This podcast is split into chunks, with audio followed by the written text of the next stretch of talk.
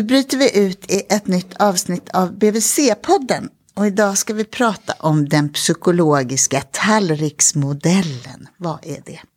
Jag heter Malin Bergström, jag är barnhälsovårdspsykolog och idag träffar jag Kajsa Laurodin. Och Maria Laloni. Och vilka är ni? Eh, jag är Maria, jag är forskare på Karolinska institutet och eh, jobbar också eh, lite grann med internetbehandling inom BUP. Ja, och jag är psykolog, det är du också Maria. Mm. Mm. Och psykoterapeut och jobbar på Länsstyrelsen just nu. Mm. Men ni, har, ni är så ödmjuka så ni presenterar inte som så här, jag är författare. Nej, det var väl någon som sa att det krävs minst två böcker för det. ja, eller, eller tre tror jag. Tre. Ja. okay. Ni är i alla fall här i podden därför att ni har skrivit en bok som heter Vad alla föräldrar borde få veta. En ganska kaxig titel, måste man säga. kan man tycka. Vad är, berätta om den här boken, varför har ni skrivit den? Ja, vi skrev den här boken för att vi eh, tycker att, att föräldrar eh, får väldigt mycket information och mycket åsikter. Det finns mycket åsikter kring föräldraskap. Men eh, det finns inte så jättemycket forskningsbaserad information som är välpaketerad, som föräldrar lätt kan ta till sig. Och eh, Kajsa och jag har ju utvecklat ett föräldraprogram som heter ABC för föräldrar. Eh, som, som riktar sig till föräldrar till barn som är tre, mellan 3 och 12. Och när vi gjorde det så, så upplevde vi att föräldrar ville ha mer av den här typen av information. De ville ha hjälp att sålla bland den information som finns. Och de ville ha information som baserade sig på forskning. Och därav titeln. Vi tänkte nog inte så jättemycket på att den var kaxig. det kom naturligt. det, det är faktiskt eh, taget från ett citat från en förälder som hade gått en ABC-grupp och var lite så här, men det här borde ju andra få veta. Fin. Det här är inte bara för de som eh, har möjlighet att gå i träffar. Och sen så tyckte vi också att det handlar inte om vad alla föräldrar borde veta, utan vad alla föräldrar borde få veta. Tyckte ja. vi var lite mindre kaxigt. Jag tänkte så här, för att den, är, den här boken är väldigt tydlig med att den är forskningsbaserad och så. Och jag tyckte det var lite intressant, för jag tänker att för mig är psykologi en av de få vetenskaperna där vi också har så mycket teori. Vi har liksom både forskningen och teoribildningen och jag tycker att det för mig har betytt så mycket att jag kan sy ihop grejer och förmedla det på ett sätt som förhoppningsvis blir lite mer begripligt och åtminstone blir det det för mig. Men då tänkte jag så här att den här vurmen som du säger ändå Maria, att man idag vill ha vetenskapligt baserad det råd liksom så. Är det så att det här med teori, är det, har det blivit omodernt eller? För ni har ändå varit ganska tydliga i den här boken med att Alltså ni har verkligen paketerat det så att det är Ja, man kan ta till sig det på något sätt. Men om det är teori, det vet jag inte riktigt. Alltså, vi, vi har ju en, en, en andra del i boken som, är, som handlar om föräldrafinesser och den är ju väldigt tydligt kopplad, kopplad till inlärningspsykologisk teori. Mm. Eh, men den, i den första delen, den psykologiska tallriksmodellen, där har vi mer valt att lyfta fram eh, vad man i ganska många olika studier har sett är gynnsamt att föräldrar gör. Mm. Gynnsamt för barnens utveckling. Alltså du, så i din bild så gifter man samman teori och vetenskap här? Men den röda tråden är väl det är forskningsbaserat. Eh, och då finns det en del teorier som har mer forskning bakom sig. Mm. Eh, och då valde vi att lyfta fram de teorierna. Mm.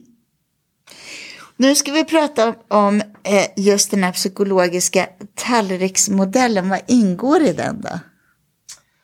Massa godsaker. Nej men vi vill ju eh, att den psykologiska tallriksmodellen ska bli lika känd som Livsmedelverkets tallriksmodell. För vi tänker att innehållet i den har lika stor bäring egentligen på barns utveckling och hälsa. Eh, forskningen säger ju det, eh, att föräldraskapet är oerhört centralt. Och i den psykologiska tallriksmodellen har vi försökt att lyfta fram de aspekterna som just har mest forskningsstöd. Eh, och har visat sig gynna barns hälsoutveckling på olika sätt. Och det är ju kärlek, Det är närvaro, Det är bekräftelse självkänsla och medkänsla, och återhämtning. Och ramar. Så elegant. Och de här delarna, är det, vi ska liksom ta oss igenom dem nu och prata om var, varför och så. Men först bara, är de viktade så att det här är lika, är, det, är alla lika betydelsefulla eller finns det några skillnader där? Det är en jättebra fråga. Eh, ju. Vi tror ju att man behöver alla de här delarna. Eh, men vi har ju lagt dem lite i den ordningen så att vi har ju lagt kärlek, alltså värme och kärlek, har vi ju lagt först. Och det finns ju en, en tanke med det, för att utan en, eh, en värme i relationen, eller en kärleksfull relation mellan föräldrar och barn, så, så, är, det, så är det inte så mycket bevänt med de andra delarna. Alltså man behöver ha det, det är liksom verkligen grunden. Verkligen, och det är inga konflikthanteringsstrategier egentligen som, som hjälper om vi inte har den här grunden av både värme och kärlek och närvaro. Mm. Och om vi börjar med det det roliga, liksom kärleken och eh, närvaron så där. Kommer det av sig självt eller är det sånt, någonting som jag måste göra konkret som förälder för att det där ska gå fram? Ja, men både och kanske, men vi, vi lyfter ju fram i boken att vi, vi tycker att man också behöver inse som förälder att man ibland måste jobba lite, även på relationen med sitt barn. Eh, relationen till sin partner, där tycker jag att man får ganska mycket sådär budskap från media och att man måste jobba på relationen, man måste välja varandra varje dag.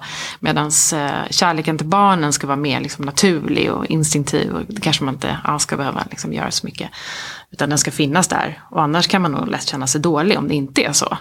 Um, Och kommer det sig kanske av att barn inte kan välja bort den? Det kan ju ens partner ändå exakt. göra. Det är ändå lite hårt där. Jag har inte tänkt på det. Mm. Nej men verkligen, så är det. Ehm, så att jag tror att det är, det är viktigt att lyfta fram att eh, även den här relationen kan ju kräva ehm, Jobb låter så tufft men att man investerar tid och eh, reflekterar över relationen till sitt barn också. Jag tyckte så väldigt mycket om det ni beskrev eh, när ni skrev om kärlek och närvaro, att det faktiskt handlar om det som barnet uppfattar som kärlek. Ja, för mig var det en sån där riktig ögonöppnare. För det tycker jag både som förälder och i mitt jobb, att man så ofta tänker att jag menar väl och det här är för din skull. Och liksom hur många gånger har man inte sagt det? Och ibland är det ju så att ungarna kan ge feedback och säga så här, jo men nu när jag tänker tillbaka, jag fattar varför ni skällde på mig mest eller så här, men det är ju the rare moments liksom. Ja men det är jättebra att du lyfter det, för det tänker jag också är, är centralt. Att liksom, i, I tallriksmodellen så är det kärlek eh, så som barnet upplever det, som vi avser. Inte kärlek uttryckt genom gränser och oro. Eh, utan där liksom måste kärleken definieras av mottagaren på något vis. Men vad är det då jag måste åstadkomma där som förälder?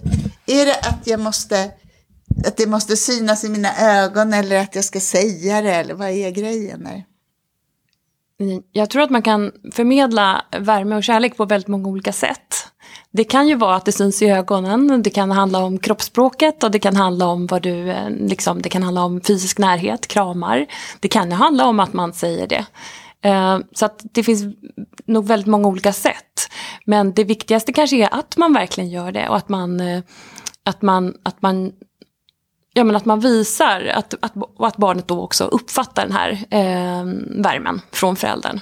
Det, det kanske det viktigaste oavsett liksom på vilket sätt man gör det. Det kan kanske finnas olika sätt som passar olika bra för olika föräldrar. För en del är det, är det svårt att säga jag älskar dig kanske till exempel. Och då kan man förstås öva på det. eh, vilket, vilket kan vara en bra eh, idé. För det, det är inget barn som mår dåligt av att få höra det.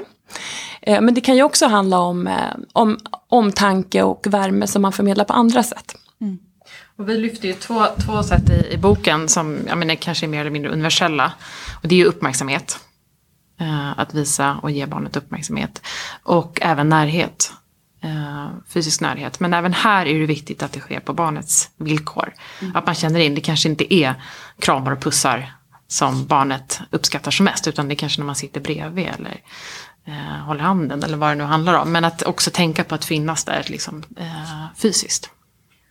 Jag tänkte på det, det där, eh, alltså vilken, att det handlar om den där, matchningen eller lyhördheten eller någon slags anpasslighet från mig som förälder när ni beskrev det sådär för att jag hela min kärleksfullhet är liksom bortkastad om den inte når fram. Liksom. Mm. Och att hela tiden behöva ha den där återkopplingen även mm. på barn som är små. Det är mm. jag inte säker på att det är självklart för, för oss eller för föräldrar generellt. Liksom.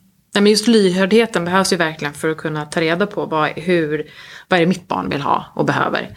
Eh, att kunna lyssna in de signalerna och vara följsam. Det är väl liksom grunden. Ja, och förstås är det ju jätteviktigt med, med, med det lilla barnet. Eh, alltså att, att, eh, att, eh, att öva upp den här förmågan att liksom känna in och att, eh, um, att lyssna på barnets signaler. För vi kan ju överösa våra barn med kärlek som de kanske inte uppskattar. Det blir ju, inte, det blir ju egentligen inte kärlek då enligt den psykologiska tallriksmodellen. Om de skäms över den när man lämnar på förskolan mm, och man inte kan slita sig för man står och pussar på rutan och de redan har gått. Då är det, mm. då är det, det Men så, en, en annan sån aspekt det var närvaro och då gjorde ni skillnad mellan närvaro och närhet som du sa förut nu Kajsa. Att det där fysiska det är en aspekt men närvaro är något annat. Ja, och jag menar, man kan ju välja att, eh, att lägga upp det på många olika sätt. Men i, i, eh, i närvaro har ju vi la, la, valt att lägga in att det här med att faktiskt spendera mycket tid tillsammans. Eh, och att närheten finns med liksom, i kärleksbegreppet. Mm. Men att närvaro, där har vi eh, ja, men lagt in både det här med att, eh, men att faktiskt ha den här kvantitetstiden tillsammans, att spendera mycket tid tillsammans i familjen mellan föräldrar och barn. Men också den här eh, barnstyrda tiden. Mm. Och den har vi pratat om i podden förut, det här med barnstyrd tid, för det är ju någonting speciellt, liksom. det är som en liten teknik. Ni kanske bara kan säga någonting jättekort om vad det är. Ja, men det är ju en, en speciell stund där barnet får styra och jag som förälder följer. Utan att försöka ställa så mycket frågor eller lära barnet någonting utan eh, låta barnet ta kommandot. Och så jag som förälder följer och visar också engagemang och entusiasm. Eh, och här kan det ju vara bra att välja någon aktivitet som man som förälder också har lättare att visa uppskattning och, och entusiasm inför. Eh, det kan ju handla om, med äldre barn kan det vara promenad, med yngre barn kan det vara att sitta och rita eller vad, vad som nu funkar. Men att man under den här 10-15 minuterna eh, har det här förhållningssättet som förälder. Att nu följer jag, nu är jag nyfiken på mitt barn. Och det där har man sett att det där är väldigt gynnsamt för, eh, för relationen och för att barnet känner sig sedda och Ja, vi har kallat det mirakelmedicin i, i boken för att vi, man ser så mycket gynnsamma effekter både hos barnet i termer av, av kognitiv utveckling och språkutveckling och även hos föräldern faktiskt. När man har sett i, i familjer där det har varit mycket bråk och konflikter och man börjat med barnstyrd så har föräldern upplevt sig mindre stressad. Och... Vad häftigt det är ändå. Alltså när man får upp ögonen för barn och får något annat än hela den där vardagen man ska rådda så finns det en massa guld där som man kanske inte har sett. Liksom. Nej, verkligen. Och det här visar ju också, nu, nu har det precis släppts en rapport från den här Myndigheten för familjerätt och föräldraskapsstöd. Eh, där man har pratat med eh, ett stort antal föräldrar, eller de har fått svar på frågor i en enkät tror jag. Och där ser man att en av de största utmaningar som föräldrar idag uppger i sitt liksom, föräldraskap är just tid. Tid är det som man tycker är allra svårast att få till som förälder. Det, det hade jag skrivit upp som en fråga. För att när jag tänkte på närvaro så undrade jag. Dels undrar jag hur det skiljer sig mellan mammor och pappor i Sverige idag. Eh, med barn. Men sen undrar jag också det där.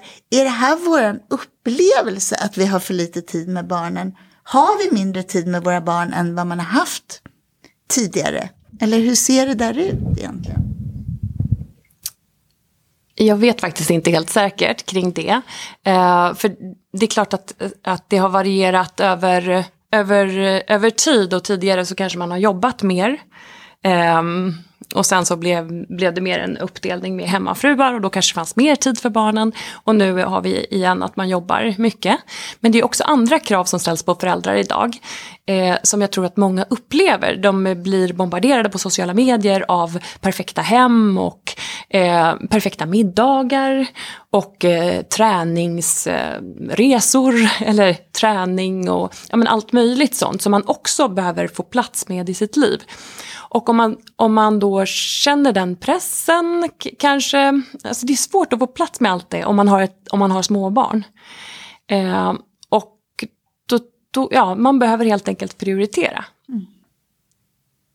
Så trots att man kanske inte har varit så privilegierad som man idag är då, om det är träning som man tycker är svårt att få till, så är det ändå så att det där skapar någon slags stress därför att man har vant sig vid ett liv och en tillvaro där ah, det är svårt att välja bort de där, mm. de där mm. delarna liksom. Ja, och kraven, kraven på föräldrar är ju också sådana idag att man eh, det är lätt att känna sig dålig om man inte tränar eller om man inte eh, hittar ett intressant jobb. Eller om man, alltså det finns ju också ett krav från samhället på alla de här andra delarna som jag tror, utan att ha några vetenskapliga belägg, kanske inte var lika starka tidigare. Eller för någon generation sedan. Eh, och sen däremot så har vi ju sett siffror på när det gäller det här med skillnaden mellan kvinnor och män och spenderad tid med barnen. Att eh, där ser vi ju faktiskt att kvinnor än idag spenderar mer tid eh, med sina barn. Eh, utöver då att de är föräldralediga i större utsträckning än pappor så är det också så att man ser på helgen att eh, mammor faktiskt är mer med barnen. I Sverige? Alltså. I Sverige, ja. idag. Mm. Vad intressant. Så att de som man egentligen ska vända sig till mest med, med den här tallriksmodellen, det är pappor? Alla. Om man tänker mycket tid är lika med liksom ett gott föräldraskap. Absolut, verkligen. Att, att tillgängliggöra den informationen och bjuda in pappor i de sammanhang där vi diskuterar de här sakerna tror jag är jätteviktigt. Men vi, vi har liksom inte riktigt kommit dit, för om vi säger att närvaro är viktigt och jag såg jättefina exempel på hur skyddande det är kan vara för barn på många sätt. Att man gör grejer i familjen, alltså man har en rot som man kommer ifrån, en famn att vila i på något sätt. Sådär. Men vad är kvantiteten då? Är den här stressen som föräldrar beskriver i den där nya rapporten, är det liksom orimligt för man har ändå någon känsla av att man borde vara med dem åtta timmar om dagen fast man jobbar? Eller vad, liksom, vad ligger nivåerna för att ungar ska få lagom av det där? Det är ju jättesvårt att, att säga var nivåerna ligger. Um, men men det, jag tror inte man kan säga så här att man spenderar för mycket tid med sina barn. Alltså att, um, att, att barnen får för mycket av föräldranärvaro. Ehm, men sen så måste ju föräldrar göra en massa andra saker också. De har ju oftast ett jobb att sköta och, eh, och kan behöva ja, men göra en massa andra sysslor också. Och då kan ju ett sätt vara att, eh, att, att barnen finns med i dem. Alltså att man inte bara tänker att, man, att det måste vara bara jätteroligt och, och, och så när man är med barnen. Att det måste vara liksom att man går på Gröna Lund eller lekplatsen. Utan man kan ju också man kan ju också gå till tvättstugan, trycka på knappar. Det finns ju massa saker man kan göra för att få tiden att räcka till bättre. Att också att barnen får finnas med i de vardagliga eh, situationerna. Det låter ju i och för sig ganska bra att det inte behöver vara Gröna Lund för att barn ska må bra. Det låter lite som en... Det kanske är tvärtom. Ja.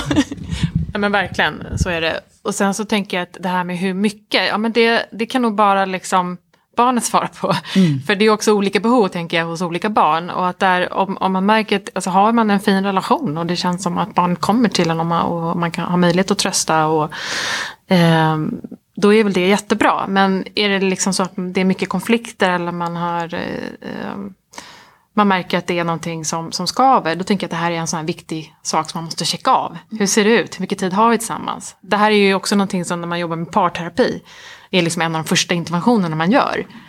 Se till att de har tid tillsammans. Eh, de liksom får gå på, på dejter. Eh, och lite så är det väl också med, med barnen. att det är någonting som behöver finnas där för att relationen ska vara i balans.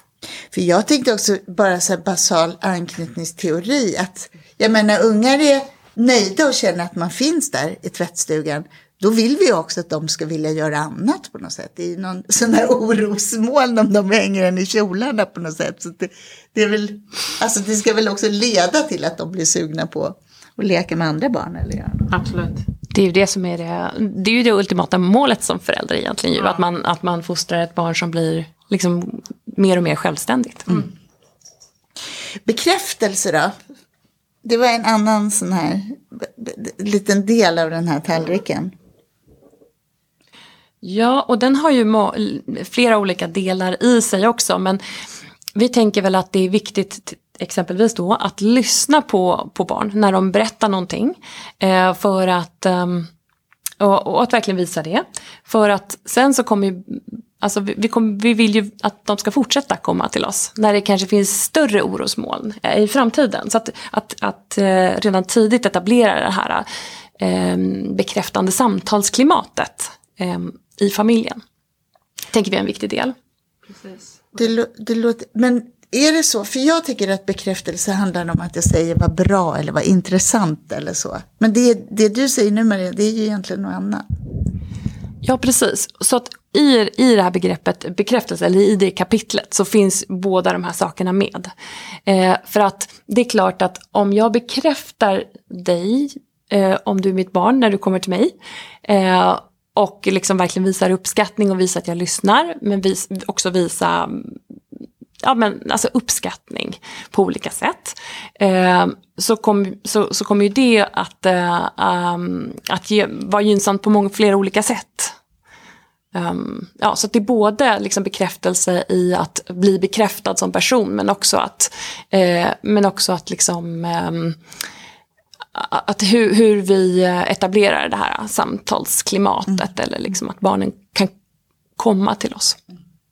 Ja men precis. Jag tror att det, det, det, det här avsnittet och det vi tänker på i tallriksmodellen handlar ju mycket om hur vi kommunicerar med barnen. Och balansen också i den kommunikationen. Eh, ja men fem gånger mer kärlek. Eh, just det här att se till att det inte blir för mycket av eh, tillsägelser, tillrättavisningar, uppmaningar. Eh, utan att vi också fyller på med att eh, bekräfta. Och då kan det ju vara inte bara det här som du eh, var inne på, liksom att bra gjort eller sådär. Utan mer visa att man ser barnet och, och, att kanske också hålla tillbaka en del av de här tillsägelserna och uppmaningarna. För att som vi har sett i forskningen så är det ju en väldigt det krävs väldigt mycket mer av den positiva kommunikationen för att väga upp den negativa kommunikationen. Det blir lätt en obalans. Till exempel om man tycker att man har lika mycket negativ eh, som positiv kommunikation i en familj. Eh, då leder det ofta på sikt till eh, sämre klimat och mer konflikter. Det här är ju forskning som har gjorts på parrelationer ursprungligen. Och där har man sett att om man har då fem gånger mer positiv kommunikation så är det också en mycket, mycket större chans att äktenskapet håller längre. Mm. Um, att man vill vara kvar helt enkelt. Exakt. Men att det, det som är liksom lite klon i den forskningen är ju att det krävs så pass mycket mer eh, av den här bekräftande kommunikationen. Det tänker jag kan vara en, en viktig tankeställare att ha med sig. Att eh, eh, det behöver verkligen plussa på. För det, dessutom i vår natur så har vi lättare för att se eh, det här som inte stämmer. Då har jag haft ett överlevnadsvärde någon gång på savannen. Att liksom också vara uppmärksam på det som avviker och sticker ut. Och snabbt agera på det. Och så det här det liksom står ju emot varandra på något vis. Eh, både att vi har lättare att säga till när någonting sticker ut och avviker. Och samtidigt så är vi så mycket mer beroende av att få den här bekräftande kommunikationen. Du, jag tänker också hur vardagen är. Alltså när man måste säga till precis hela tiden. Om vi pratar om småbarn här i den här mm. podden. Så är ju så fort de börjar gå så sätter det där fart att man måste liksom säga åt dem hela tiden. ja. mm. Så det jag förstår, om jag tolkar bekräftelse så som ni beskriver det nu, då, ja, då förstår jag vad ni menar. Mm.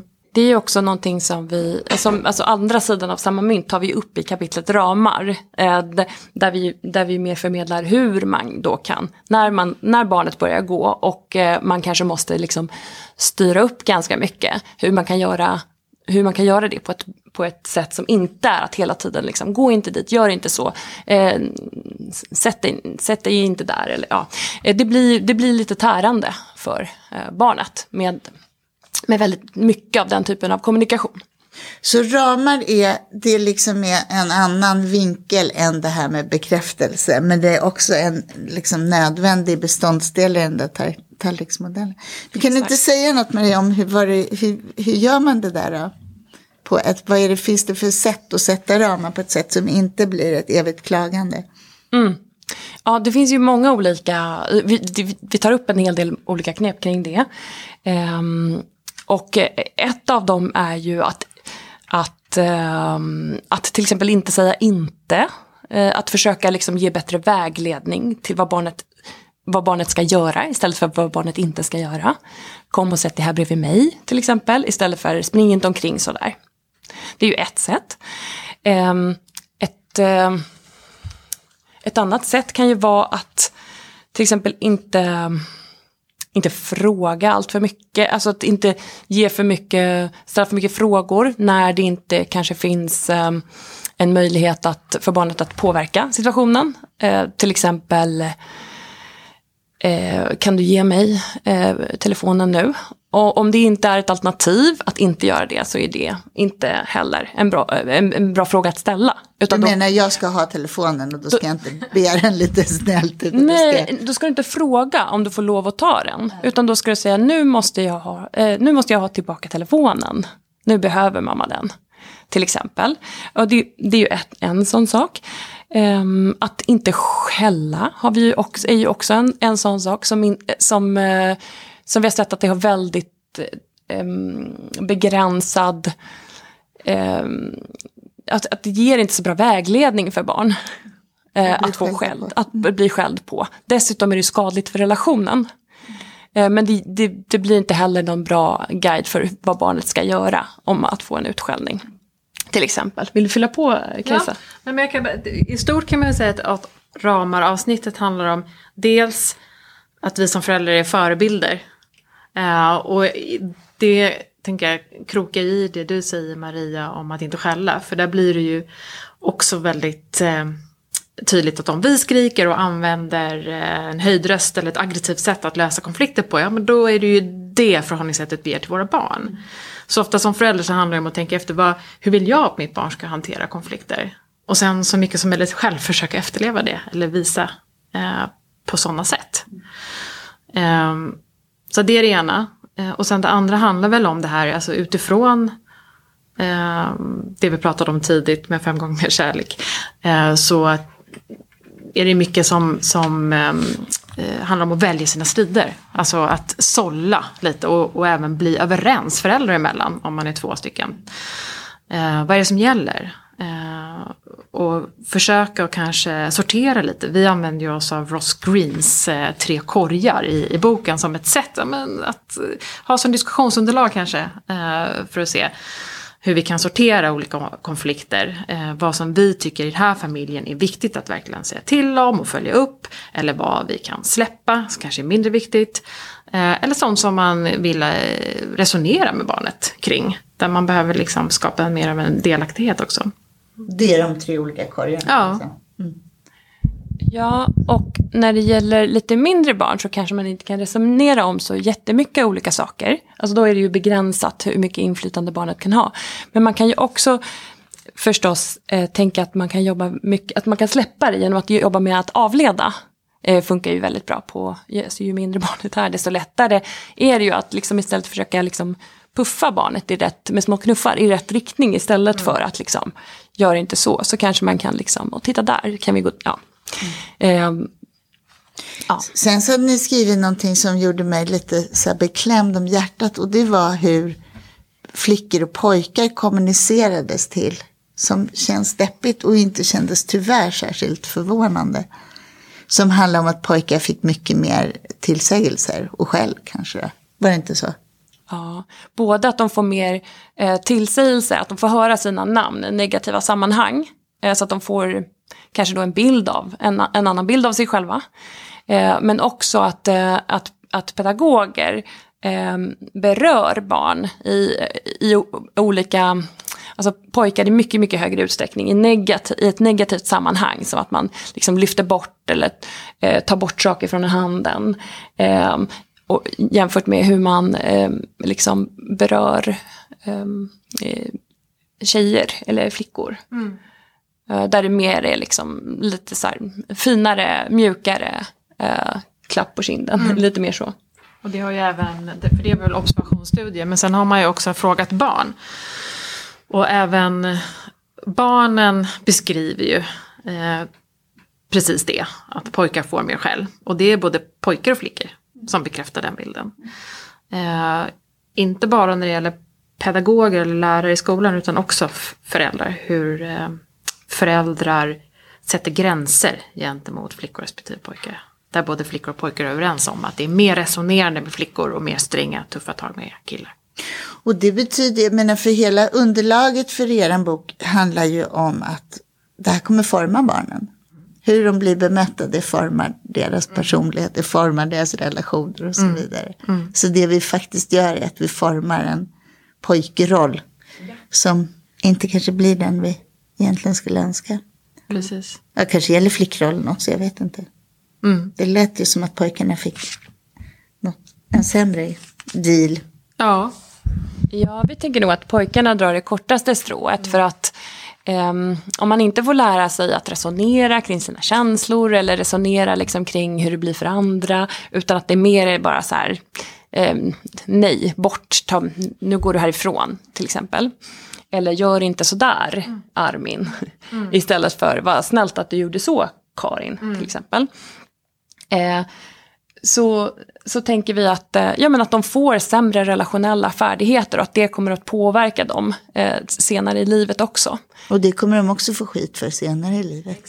för det är ingen som står ut med det nu för tiden. Nej, precis. Mm. Och det är ju också ganska mer klassiskt om man tänker att man blir bemött mer eh, med tuffare tag. Då är det ju klart att då är det ju det man själv kommer att använda sig av i större utsträckning i mötet med andra. Mm. En uppmaning skickar vi. En uppmaning, nu. ja verkligen. Nej, sen hade ni en, eh, en liten tårtbit i den här tallriksmodellen som hette självkänsla och medkänsla. Berätta om det, varför är det så viktigt och vad, vad liksom, varför var det så viktigt så det fick en plats här? Jag vet att det är viktigt för föräldrar men... Ja, men vi tyckte det var viktigt att lyfta, alltså, barn och självkänsla är ju ett ämne som många föräldrar är intresserade av. Eh, och Eh, det finns mycket information på internet, eh, eh, i media om hur du stärker ditt barns självkänsla. Och samtidigt så ser vi i forskningen att det, det kanske inte är det här liksom fokuset på sig själv och, och det egna måendet som egentligen gör att vi mår bra eller blir bra medmänniskor. Utan det är ju mer det här fokuset just på att vara en bra kompis eller att kunna eh, interagera med andra. Eh, det är både viktiga färdigheter för att vara en bra medmänniska men det är också en av de viktigaste färdigheterna för att må bra själv. Och för att få en god självkänsla, om jag känner mig till nytta för andra människor mm. eller känner mig att jag är bussig, mm. då kommer det bidra till att jag får en god självkänsla, är det så? Ja. Ja, men inte bara det, utan det är också att, hur du, att du kan fungera tillsammans med andra människor. Inte bara att du kanske är till nytta, men att du också liksom funkar i relationen till till exempel kompisar. Mm. är viktigt för barns självkänsla. Och då, för att kunna göra det, eh, så är, är det ju viktigt att vi lär barnen att liksom hantera och reglera sina känslor. Och också att lära sig att förstå hur andras känslor fungerar. Så det, därav har vi också Eh, ett avsnitt kring det i, i det här kapitlet. Som handlar mycket om hur, ja, men hur, hur, eh, hur vi från början lär oss. Alltså, från när barn är pyttesmå, hur vi kan lära dem att, att identifiera och sätta ord på känslor. Och det är också någonting som man kan verkligen hjälpa dem med, att man vet att i familjer där man gör så både vuxna emellan och med sina barn så gynnar det där, då får barn större koll. Mm. Och man har ju också sett eh, i studier då att, att eh, även, eh, när, när barnen växer upp och så blir de vuxna.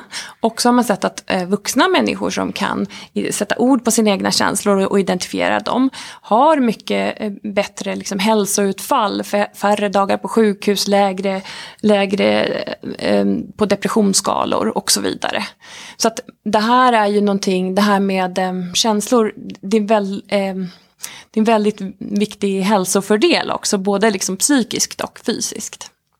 Så vad är det ni säger? Att jag ska få förstå mitt eget känsloliv. Inte bara kunna låta bli och slåss, utan också förstå mitt eget känsloliv och kunna använda det som en signal, alltså någon information och så i, andra, i relation till andra. Så det är en del av det här och en annan del är att inte ha så mycket fokus på sig själv utan fokus utåt mot andra människor. Ja, och det ena är ju en förutsättning för andra på sätt och vis. Då, då. För att om du kan förstå och sätta ord på dina egna känslor och förstå hur du själv fungerar och hur andra fungerar så är det ju också lättare att vara en bättre medmänniska eller kompis eller ehm, att, ja.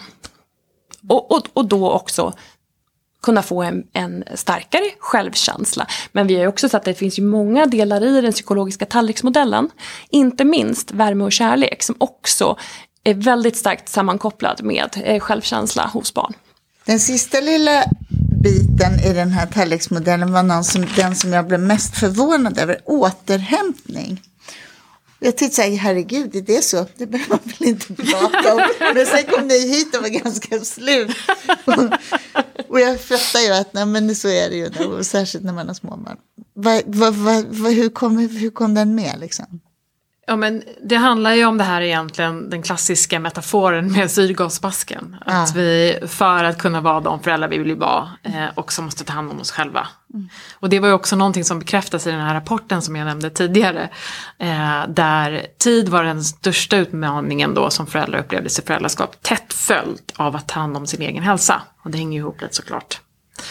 Eh, så jag tror att det här är en stor utmaning för många föräldrar. Eh, för att orka med. Och det är många som beskriver i föräldragrupper, det är bara att gå till sig själv tänker jag.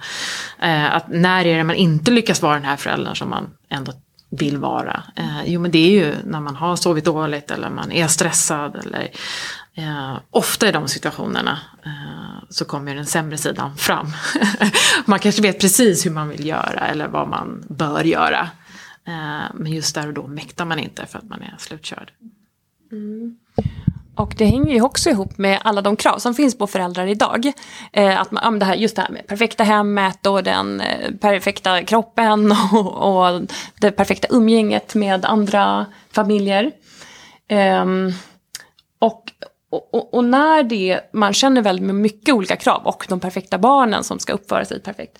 Eh, så är det ju väldigt lätt att man prioriterar bort någonting. Eh, och, då det, och när man prioriterar bort återhämtningen, eh, då, då är man lite illa ute. Eller för att då, det, det, det är ju det som ger en kraft för att man ska orka liksom, vara den här föräldern.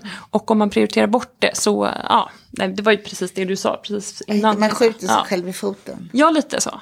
Men vad är återhämtning? Är det någonting jag behöver göra från barn? Eller kan barn vara min återhämtning om jag får ha någon stund som är mysig med dem och slipper det här eviga att man bara måste göra en massa grejer eller så? Eller hur, vad är det? Är det där helt upp till mig? Vad återhämtar jag mig av? Punkt Ja, dels är det ju så att det är individuellt vad man återhämtar sig eh, med. Eh, och det, kan absolut vara att vara med sina barn. Eh, kan återhämtning vara. Men vi tror att, att vuxna föräldrar också behöver annan input. Till exempel från jämnåriga vänner. Ehm, att man inte bara eh, kan få den här återhämtningen i relation till sina barn. Och det har man ju också sett i, eh, i, i forskning att när, när det finns en... Eh, det här handlade om ensamstående mammor faktiskt och, och som hade stora liksom, konflikter med sina barn. Så såg man att när de fick gå och träffa sina vänner eh, så, så minskade de här konflikterna med ba- barnen. Och det kan ju säkert ha många olika skäl, att man känner sig liksom påfylld, att man får återhämtning, men kanske också att man att man liksom ser ett annat sätt som man relaterar med människor. Man relaterar inte med sina kompisar på samma sätt som man kanske relaterar med sina barn om man har en sliten relation. Så man får liten, ja, men en annan input på hur, hur relationer kan gå till. Mm. Så återhämtning handlar inte om att sova utan det handlar om att göra grejer som jag mår bra av på något sätt. Ja, och att sova. ja men det är väl de här grundläggande eh, sakerna som man ser är viktigt för alla. Även om, som man är inne på, att det är mycket av det liksom också eh, som är individuellt. Men just sömn, eh, motion och umgänge är väl de tre sakerna man har sett. Eh, är återhämtande för de allra flesta. Och då handlar det där också om, om man är två föräldrar, att unna varandra där. Att få liksom, att se kopplingen till att det här handlar också om ett gott föräldraskap. Att du Ja. Jag bjussar dig på ja. den där grejen. Verkligen. Det är jätteviktigt. Och det är också, jag tänker så här att man, man kan ju märka det själv om man eh, man går ju omkring med någon form av grundspänning i kroppen. Eh, och är man stressad så är den här grundspänningen ofta ganska hög. Eh, vilket gör att stubinen liksom krymper. Eh, för då behövs det inte lika mycket av en trigger för att vi ska liksom gå över och, och bli arga. Mm. Eh, har vi en sänkt grundspänning i kroppen då har vi ofta en mycket längre stubin. Mm. Så där kan det också vara viktigt att hålla koll på, på varandra liksom, och, och, att faktiskt eh, se efter varandra i det här. Att nu kanske det är dags att du tar en, en paus här och gör något annat. Så återhämtning är anger management? Ja, faktiskt. Kanske den bästa sorten. ja. Vi ska runda av den här podden, men jag skulle bara vilja be er avsluta med någonting som jag tyckte var så fint och som handlade om någon slags perspektiv på föräldraskapet. Ja, vi har ju en övning som egentligen inleder boken, som man kan göra för sig själv. För vi presenterar ju många olika saker som har stöd i forskningen. Men sen är det ju var och en som förälder att man, får, att man behöver fundera på vad, vad det är som passar för en själv och vad man själv vill ta till sig. Eh, och då har vi en övning som, heter, som vi kallar för 20-årsövningen. Och då tänker man sig 20 år framåt i tiden. Och det är ens egen födelsedag. Och eh, ens barn reser sig upp, klingar i glaset och, och ska hålla ett tal för, för, eh, för dig då, som förälder. Och då så får föräldrarna, eh, så får, får, man då som förälder fundera över vad skulle jag vilja att mitt barn eh, berättar om mig själv? Vad har jag betytt under barnets uppväxt? Vad var det som jag gjorde som var betydelsefullt? Och det som man då vill höra under den här 20-årsövningen, det kan fungera lite som en kompass. Utifrån att det är de saker som kanske jag väljer att ta till mig utifrån all den här, eh, all den här ehm, eh, kunskapen eller vetenskapen som presenteras. Tycker det var jättefint. Tack för att ni kom hit. Tack för att vi fick komma. Ja, tack för att vi fick komma. Så bryter vi ut från det här avsnittet.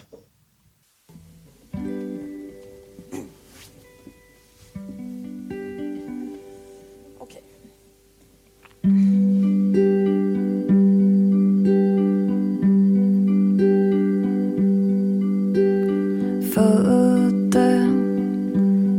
barn till Björn Olsson. Solen bröt fram precis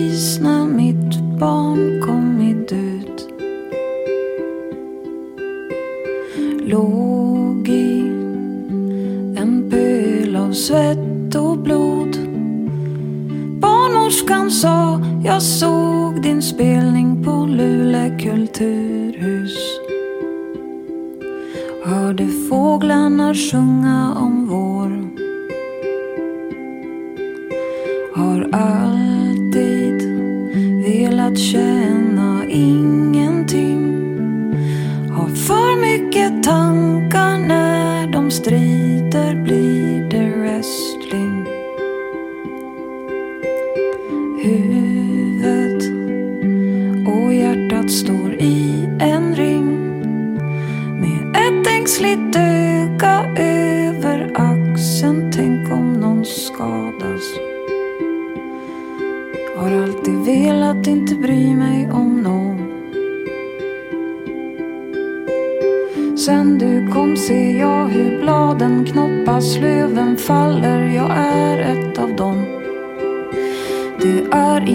ångest jag inser jag också ska multna och allt tillhör dig. Ser himlen åter bli grå. Jag bryr mig